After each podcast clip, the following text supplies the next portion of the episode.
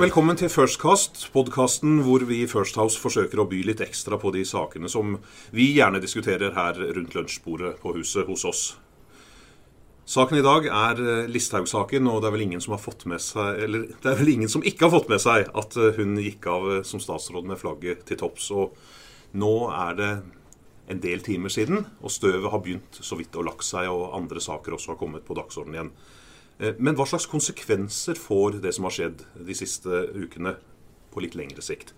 Eh, jeg heter Ole Tom Nomland og er partner i First House. Og med meg her i studio i dag så har jeg noen veldig kompetente eksperter. Og en av de beste til å lese dette spillet her i Norge, det er deg, Kristin Clemet. Du er leder i den liberale tankesmien Civita. Hva, hva syns du? Hvem er det som står igjen som vinner og taper her nå? Jeg må nok innrømme at jeg ikke ser så veldig mange vinnere. Eh, det har vært en eh, uke Som er interessert i politikk, så har det vært en fæl uke på en måte, selv om den også har vært spennende. Og det har jo i grunnen vært eh, Jeg må si at jeg reflekterer jo litt over hvordan det har vært helt siden valget. Hvor det har vært lite politikk. Det har vært metoo, det har vært SSB-skandale, det har vært byggeskandale på Stortinget. Og nå var det Sylvi Listhaug. Så, mm, så, sånn sett så vet jeg ikke om det er så mange vinnere, egentlig. Eh, en litt trist sak hvor det ene tok det andre. Men hvor jeg tror utfallet, nemlig at hun trakk seg selv, det var det beste av de mulige utfallene vi kunne få når vi først kom så langt som vi gjorde for noen dager siden. Politikken har tapt? Uh, ja, dette her er jo det, det, det, er vel tendens man egentlig ser i flere land. At uh, det at det blir mer polarisert, uh, at det er sterkere populistiske tendenser, det fører til flere debatter som ikke egentlig handler om politikk, men som handler om skandaler og, eh, og den type ting. Men nå får vi se om det har noen langvarige virkninger på den måten.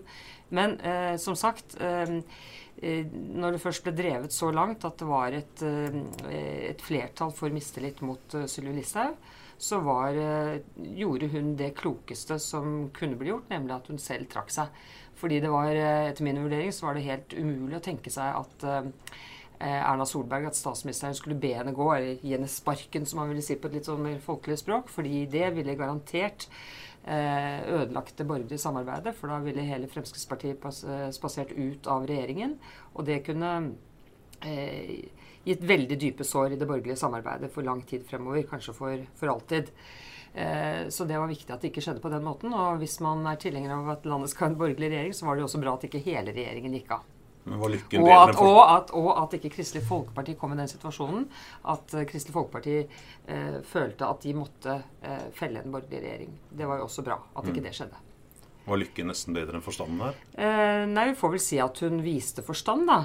men jeg tror mange sier 'hvorfor gjorde du ikke dette tidligere i uken'? Det syns jeg var veldig klart at ikke kom til å skje. For hun er jo en veldig hva skal jeg si, for en egenrådig, gjenstridig, sta person. Det må vi kunne si at vi kan se alle, og til og med på utsiden.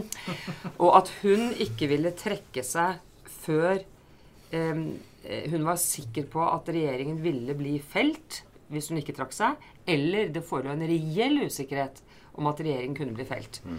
Um, det syns jeg var ganske opplagt. Og, og det kommer til det punktet at uh, det var helt klart at det forelå mistillit mot henne. Uh, vi visste uh, at statsministeren med stor sannsynlighet ville legge frem et kabinettspørsmål. Så visste vi ikke hvordan KrF ville reagere på det. Det var en reell usikkerhet, og det ledet da til at hun ikke satte seg selv foran regjeringen. For det ville vært veldig pinlig å stå igjen i historiebøkene som den statsråden som felte en borgerlig regjering som hun selv var medlem av, når hun kunne ha hindret det.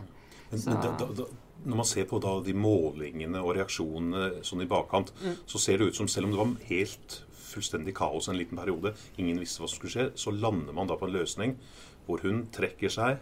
Hun går ned med flagget til topps og får masse oppslutning til Fremskrittspartiet på de første umiddelbare målingene. Og så har regjeringen fått mye sympati, og på statsministermålinger umiddelbart etterpå så ser det ut som at dette har slått positivt ut for både Erna og for det borgerlige. Ja, Men jeg tror ikke man skal legge så altfor mye vekt på de, den typen målinger. Altså For det første så er det jo litt sånn forutsigbart at når det er mye si, støy rundt uh, Fremskrittspartiet og det som har med innvandringspolitikk direkte eller indirekte å gjøre, og man oppfattet jo at dette indirekte hadde med det å gjøre, så vinner de på det nesten uansett. Men når, hvis vi ser på det man kan kalle skandaler i politikken, jeg vet ikke om vi kan kalle dette en skandale, men en slags skandale, så er vel erfaringen at det gir ikke noe langvarig utslag på målingene uansett. Det kan gi noen kortvarige utslag. Men um, i det lange løp så beveges ikke velgerne så mye av det. Eh, så jeg tror ikke vi skal legge altfor stor vekt på det vi ser på kort sikt. Til og med eh, diskuterte jo metoo, kom det til å slå ut osv. på meningsmålingene? Det gjorde det jo ikke. Og da mm, ble jeg minnet om at selv ikke Treholt-saken slo ut på varig basis på meningsmålingene. Det kom en sånn kort, liten eh, effekt, men så, så, så jeg tror det, i, det, i, det, lange løp så er det eh, politikken som teller. Og da ja, for ta, ta, ta, ta litt det lange løp her. Hva betyr nå dette litt? Hvis vi ser inn i glasskulen fremover, er vi nærmere et borgerlig, stort samarbeid eller på ikke-sosialistisk side, eller er vi fjernere fra det? Ja, altså, du kan si at de, de, de, to partiene som har størst problemer i norsk politikk nå, det er jo Arbeiderpartiet og Kristelig Folkeparti. Og deres problem har ikke kommet noe nærmere en løsning av at vi har hatt denne runden med Sylvi Listhaug. De er like uavklarte med hensyn til politisk retning og valg av side da, i Kristelig Folkepartis eh, tilfelle. Men det man kanskje kan si, det er at eh, Sylvi Listhaug har enten som person eller symbol eh, vært en ekstra hindring for Kristelig Folkeparti når det gjelder borgerlig samarbeid. I hvert fall hvis Kristelig Folkeparti skulle gå inn i regjering. Fordi man har følt at avstanden har vært veldig stor. Hun har jo en, på en merkelig måte eh, greid å eh, skape et litt konfliktfylt forhold til Kristelig Folkeparti, samtidig som hun prøver å appellere til eh, kristne velgere. Men, men, men, eh, men det har Hun har jo klart det litt òg? Ja, ja. altså Hun har et konfliktfylt forhold til Kristelig Folkeparti samtidig som hun har denne kristenkonservative stilen selv. Så det er jo egentlig litt sånn eh, paradoksalt, kanskje. Men i alle fulle fall så tror jeg at, eh, at for Kristelig Folkeparti så jeg tror ikke dette spiller så veldig stor rolle for den prosessen det partiet skal gjennom. Bortsett fra det lille poenget at det går ikke an å bruke mot de som eventuelt vil gå inn i regjering, at det kan vi ikke fordi der sitter Sylvi Listhaug. For det gjør hun ikke lenger. Nei. Og det har faktisk vært et, eh, et veldig viktig argument i Kristelig Folkeparti. Vært for og mot Sylvi Listhaug, liksom. Ja, og noen sier Sylvi ut kan gi KrF inn. Ja, altså det er jo blitt sagt, og de gikk jo til valg på at uh, de skulle ha Sylvi Listhaug ut av regjering og beholde Erna Solberg som statsminister. Og foreløpig så har jo det valgløftet da oppfylt. Det har de klart. Ja. Og vi har med oss en som har litt uh, litt ekstra innsikt i KrFs uh, indre liv. Julian Farner Calvert, du har tidligere vært rådgiver i KrF, men jobber nå her hos oss. Og hvordan har de det i KrF nå? Nei, KrF har hatt det vondt lenge, de. Eh, og denne saken hjalp ikke på sånn sett. Og det var nesten sånn at hele denne saken forserte den strategiprosessen og den lange prosessen som partiet har planlagt som, eh, som Knut Arild Hareide har sagt skal resultere i et modig valg. Eh, og så var det jo sånn at man nesten satte seg selv i den posisjonen at man ville felle eh, den borgerlige regjeringen. Og det er ikke sånn at KrF ønsker det. Fordi KrFs velgere vil jo ikke ha Jonas Gahr Støre som statsminister. De vil ha Erna som statsminister. Men KrF har jo ikke avklart helt hvilken retning de går i. Nå kom dette veldig brått på, og de måtte ta stilling til en situasjon, men de skal ha en strategidiskusjon, som du sier. Og de kan ende opp med å falle ned på en ikke-borgerlig side. Ja, så som, den erkjennelsen som begynner å skape seg i KrF nå, er at sentrum er dødt. Og det, det har vært en seig prosess, og sentrumsdrømmen og troen på at man kanskje kunne samle og få til noe med Senterpartiet og Venstre, eh, eller i hvert fall Venstre og KrF og Høyre alene i regjering, eh, det har vært en idé som har stått grunnsterkt, eh, grunnfast i, i, partiet, men som nå man ser at begynner å falle bort. Og da blir spørsmålet i mye større grad ønsker man å samarbeide tettere til venstresiden. Og det er det helt klart at det er en del personer som ønsker i partiet. At man bryter og feller Eh, regjeringen og inngår et samarbeid med Arbeiderpartiet.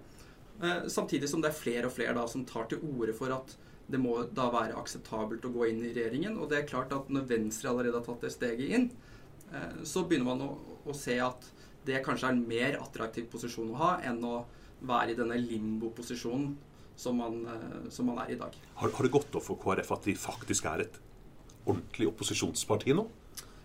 Ja, og der tror jeg egentlig det ikke helt har gått opp for regjeringen. Fordi jeg tror identiteten og litt av det grunnlaget for at man havner i denne posisjonen der, og, og, og det tror også eh, Frp har misforstått litt, og regjeringen har misforstått litt, er at KrFs identitet i dag er som et opposisjonsparti. Eh, og Erna Solberg snakker ofte om KrF som et støtteparti. Men det er ikke sånn stortingsgruppen ser på seg selv. De ser på seg som et opposisjonsparti som vil samarbeide på de sakene de er enige om, og ikke samarbeide på de sakene de ikke er enige om. Men er de fjernere den borgerlige eller den ikke-sosialistiske siden nå enn de var før Listhaug-saken? Nei, det, og det, det, er det som er litt sånn rart. fordi det ser jo ut som at eh, narrativet har endret seg litt gjennom den saken.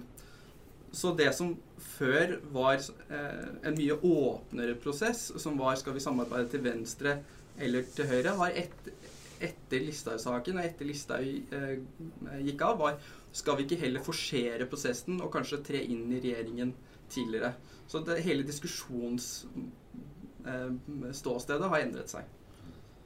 Ketil Linseth, eh, du er også med oss her i dag. Du er partner i First House og har vært statssekretær i Arbeiderpartiregjeringen eh, tidligere. Eh, har Jonas Gahr Støre spilt dette her sånn som han ønsket det optimalt? Eh, jeg tror ikke Jeg tror det har vært mindre spill enn det man kanskje kan forestille seg. Jeg tror eh, altså Du kan jo si at for Arbeiderpartiets stortingsgruppe så var denne saken her bra. Eh, tror jeg, det tror jeg de vil si sjøl hvis du spør dem. Altså, den ga et veldig sterkt samhold. Og de har mildt sagt hadde ganske De hadde en krevende, de hadde en krevende etterjulsvinter eh, med Trond Giske og metoo og alt det der. Men, men, jeg tror at selve saken i seg sjøl eh, har nok eh, eskalert nok mye mer enn det partiledelsen òg eh, hadde sett for seg. Og, det, og dem var heller ikke altså Jonas og, og ledelsen av Arbeiderpartiet så nok ikke helt dimensjonene i i denne saken når den eh, tok av gårde. Eh, nå kan en jo si det at det som på mange måter kanskje utløste krisa, det var nok eh, Jan Tore Sanner sine famøse ord mm. Eh, om 22.07. Altså det, det tente virkelig fyr i en hel eh, I Arbeiderpartiet snakker man jo om 22.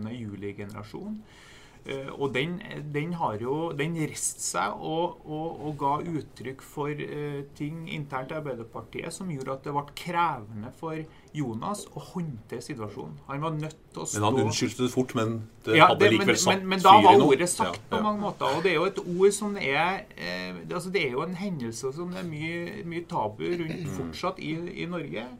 Men jeg tror vi for første gang virkelig så kraften i den, i det, den hendelsen og det som skjedde. Eh, og bare for å legge til det, jeg, jeg tror òg at jeg har brukt sagt det internt her, at, at denne saken her var nok òg litt Arbeiderpartiets oppgjør med Fremskrittspartiet knytta til 22.07. og det som skjedde der. Eh, den saken har ligget med trykk på seg som en sånn vulkan som plutselig nå fikk de sjansen til å ta Fremskrittspartiet. Og kunne de ta noen og kunne ta med dem rette. på ord ja. og uttrykk som de indirekte kanskje har lasta Fremskrittspartiet for knytta til 22.07. Så det var det som på en måte gjorde den saken helt uhåndterlig for Jonas etter hvert år. Nei, altså jeg tror Hvis man ruller saken tilbake, så tror jeg det har vært masse tilfeldigheter ja, ja. og rariteter underveis ja, som gjorde at den utviklet seg sånn som den gjorde, og at den kunne vært stoppet av mange mm. tidligere. Dette starter altså med et uh, mistillitsforslag fra Rødt. Altså det er jo ja, så det er veldig... ja, Moxnes har fått full payoff her. Ja, men altså dette, det, det, er veldig Jeg tror det er ganske mye lære av dette her for mange. Mm. Og det er klart vi kan ikke, nok ikke leve med i Norge at mistillitsforslag fremmes så lett, for å si det sånn. Altså dette er ikke en, dette er ikke en klassisk mistillitssak. Men det var nok eh, opparbeidet mye følelser og mm. aggresjon osv. som nå fikk eh, utløp. Uansett så så um, det kan jo bli, være interessant å diskutere. Men um, når vi kom til, uh, til, sluttfasen, og dette var et faktum, da, at vi sto der med et flertall for mistillit, så, så mener jeg at utfallet da ble det, ble det best mulige. Og når det gjelder um, eh, eh, gjelder KrF, så Uh, og det forhold til om de skal velge borgerlig side eller andre siden. Altså Jeg syns det er veldig vanskelig å se for seg at de skal Eh, man kan nok se for seg at ikke de bestemmer seg for å gå inn i regjering, eller at det blir et tettere samarbeid med borgerlig side, men det er veldig vanskelig å se for seg at man skal hoppe over til den andre siden. Uh, jeg kan vi ikke ta det poenget der, uh, Ketil? For det, det, er veldig, det, for det, er ganske dramatisk. Husk på at KrF har alltid valgt borgerlig side historisk. De har aldri valgt noe annet.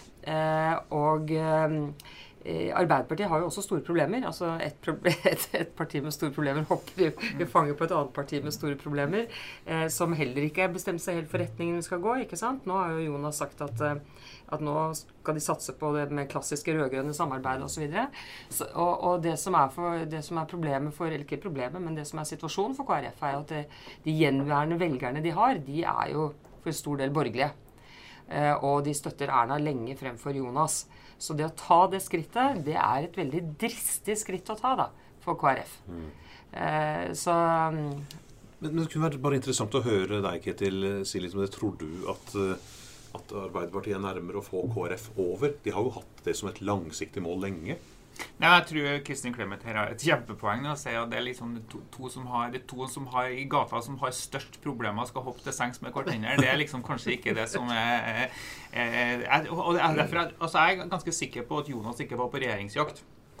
Det var, det, var, det, var, så mange begivenheter som han ikke kan Men han ønska ikke regjeringsmakt nå. Det, det ble jo veldig tydelig når det begynte, så kan hun ikke bare bytte til et annet departement. Ja, ja, liksom, da, da, da, merket du hvordan Senterpartiet og Arbeiderpartiet ble litt redde for at dette skulle føre frem. Ja, jeg er helt sikker på at de ikke ville ha det. Og, og det var jo sånn at, eh, sånn som jeg skjønner det, når jeg hører, hører meg litt rundt, så, så, sa de den dagen når det var Når Sylvi var på, på talerstolen og skulle si unnskyld, så hadde Jonas sagt nei, vi skal ikke støtte noe mistillit. Det var nok med denne, mm. uh, ja. Her, kritikken. Ja, kritikken. Mm. Men så rota det jo på mange måter til mm. skikkelig i salen der. da. Sånn at eh, når Jonas kom opp i gruppemøtet der, så hadde du ikke sjans, for da var jo, det var jo fyr og flammer. Jeg mm. har vært i gruppemøtene til Arbeiderpartiet, og når de, så, det hjelper ikke om du er Gro eller Jens eller Jonas. Når den gruppa bestemte seg for at nå er det nok nok, så var det nok. Uh, og, og, Derfor så har jeg veldig lite tro på dette. Jeg tror, ikke, jeg tror ikke de tenker at, jeg tror de ser KrF som en tapt sak. Uh, det, jeg har ikke noe tro på at Arbeiderpartiet uh, Da gjør de det mest for å gjøre det vanskelig for, for KrF.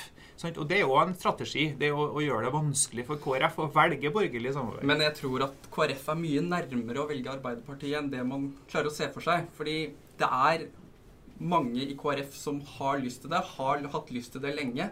Og samtidig så er det så mange som er lei av å gå til valg på noe som ikke er troverdig. Så selv de som utgangspunktet ønsker Erna Solberg som statsminister, syns det er bedre å gå til valg på Jonas Gahr Støre som statsminister og være en del av den regjeringen, enn å stå i en sånn dødens posisjon eh, på Stortinget. Det skjønte jeg ikke. Nei, at, at, KrF går til valg uten å si at vi går inn i regjering. Mm. Så de må ja, altså de, heller, vi, de vil heller sitte i regjering med Arbeiderpartiet enn å støtte Enn å sitte i regjering, enn å sitte i regjering med Erna? Nei, enn å støtte en regjering som de ikke selv er en del av. Ja, sånn, ja, Men de kan jo sitte i en regjering med Eh, Høyre, Fremskrittspartiet og Venstre. Ja, så jeg sier at jeg tror det er mest sannsynlig at de går inn i regjering nå. Ja, det er det, men, ja, ja. ja. Men, men, alternativt at de, at de vil helst ha en regjering å være med i. Ja. ja. sånn, ja. Okay. Men, men, men Kristin Clemet, mm. for å dreie det på det andre. altså Vi har KrF i limbo her. Og de, de skal gjennom en selvransakelse og ende opp med noe på et mm. tidspunkt, regner vi med. Mm. Men, men, så er det da mange som har snakket om at det at Sylvi Listhaug går ut av regjeringen, eh, er også en X-faktor. Hun går inn i stortingsgruppe. Hun kan være med på å spisse profilen og kanskje skjerpe frontene. Kan dette også være med på å forvitre det borgerlige samarbeidet?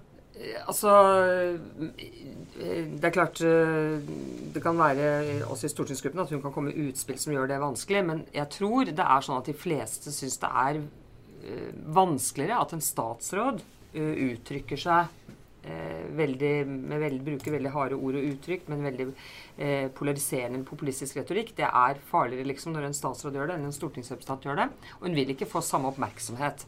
Altså Hun kan ikke bestille så mye presse som hun kunne gjøre som statsråd. Jeg tror det var du som skrev i bloggen din ja. at hun blir nå Norges mest kjente stortingsrepresentant. Så hun blir jo en premissgiver for det hun ja, da, altså, hun kan, hun kan, kan, absolutt bli det, men man må huske på det at eh, hun er eh, representerer et ytterpunkt også i Fremskrittspartiet. Uh, hun eh, er Det er ikke sånn, tror jeg, at alle i Fremskrittspartiets stortingsgruppe har henne som dronning. jeg tror Sylvi Listhaug rundelig sagt har større oppslutning blant ikke-aktive mm. støttespillere enn blant de som er politisk aktive. Mm. Det gjelder både regjeringsapparatet, stortingsgruppen utover i tillitsmannskorpset. så det er ikke sikkert at hun får så tydelige posisjoner Eh, at eh, vi liksom kommer til å merke henne absolutt hele tiden, det, det, det vet vi ikke ennå. Det gjenstår å se. Ja, eh, men det, er men er bare for å sluttkommentar til Sylvi. Altså, det er ikke bare for, for posisjonen at Sylvi er et problem. Altså, Sylvi Listhaug er jo et problem, stort problem for Arbeiderpartiet. Og Det er derfor hun skaper så mye irritasjon i Arbeiderpartiet. Så at hun appellerer til en del velgergrupper som, som, som tradisjonelt har vært i Arbeiderpartiet. Jeg tror en del av de utfordringene Arbeiderpartiet ser knytta til velgergrunnlaget sitt, altså klassiske fellesforbundvelgere og arbeiderklassevelgere, altså menn som før var i industrien, da, for å se litt tabloid, de appellerer Sylvi til. Og det er det som gjør at Sylvi er så skaper som irritasjon i Altså, jeg Arbeiderpartiet. tror hun har, hun har på en måte sitt eget parti på Facebook, for å si det sånn. Ja, ja, altså Av folk minst. som ikke er så politisk aktive. Og du finner dem i Fremskrittspartiet, selvfølgelig. Mm. Du finner dem i Høyre. Du finner dem i eh, Kristelig Folkeparti. Du finner dem i Arbeiderpartiet. Du finner dem helt sikkert i Senterpartiet. Mm. Og du finner dem faktisk på ytre, ytre venstre. For dette går jo rundt, ikke Mm, sant. Så de som er skikkelig langt ute. Så hun har støttespillere rundt baut, men jeg tror det er flere, som sagt, av mennesker som har et litt fjernt forhold til eh, til eh, polit daglig politikk, da. Eh, enn eh, enn, eh, mens hun på en måte bryter sånn med rolleforventninger og eh, i det politiske liv at det er vanskelig for, for flere enn eh, de som ikke tilhører Fremskrittspartiet, for å si det sånn. Mm. Vi må gå inn for landing her. eh, Men siste runde her Vi har hatt en situasjon som var farlig nær å skape en regjeringskrise. Når får vi en sånn situasjon igjen? Kommer vi til å få det i løpet av perioden? Vil vi få en annen regjering i løpet av denne perioden? Altså, det, det vet vi jo ikke, så det, er sånne, det aner vi ikke. Men, eh, men eh, jeg tror altså Situasjonen er eh, vanskeligere i Stortinget enn man kanskje forutså at den ville bli etter valgresultatet forelå. Eh, og det at, eh, at Kristelig Folkeparti nå på en måte spiller friere og danner flertall mot regjeringen, det er selvfølgelig et problem for regjeringen når det skjer i mange saker, eller i viktige og alvorlige saker. Men jeg tror ikke at Kristelig Fol alle i Kristelig Folkeparti tar så lett på det heller. For jeg tror de også ser at det å bare spille fritt og, og bidra til en litt sånn uansvarlig helhet, da, som man lett gjør når man ikke tar ansvar for helheten, men bare Det, det tror jeg nok også man ser som et lite problem i, i Kristelig Folkeparti. Så jeg, jeg, jeg tror ikke det kan fortsette sånn som det har gjort nå ut eh, perioden. Man, det må skje noe. Er det mer sannsynlig at vi får et KrF inn i en flertallsregjering enn at vi får Jonas Gahr Støre som statsminister i løpet av denne perioden? Jeg tror det. Ja, Jeg tror det er mer sannsynlig. Hva tror du, Ketil? Ja, definitivt. Definitivt. Og da er det KrF som sitter på jokeren. Jeg tror det er mer sannsynlig at uh, vi får en ny regjering eller en ny sammensetning av regjeringen enn at uh, denne trepartiregjeringen blir sittende ut perioden. Den som lever, får se. Takk skal dere ha.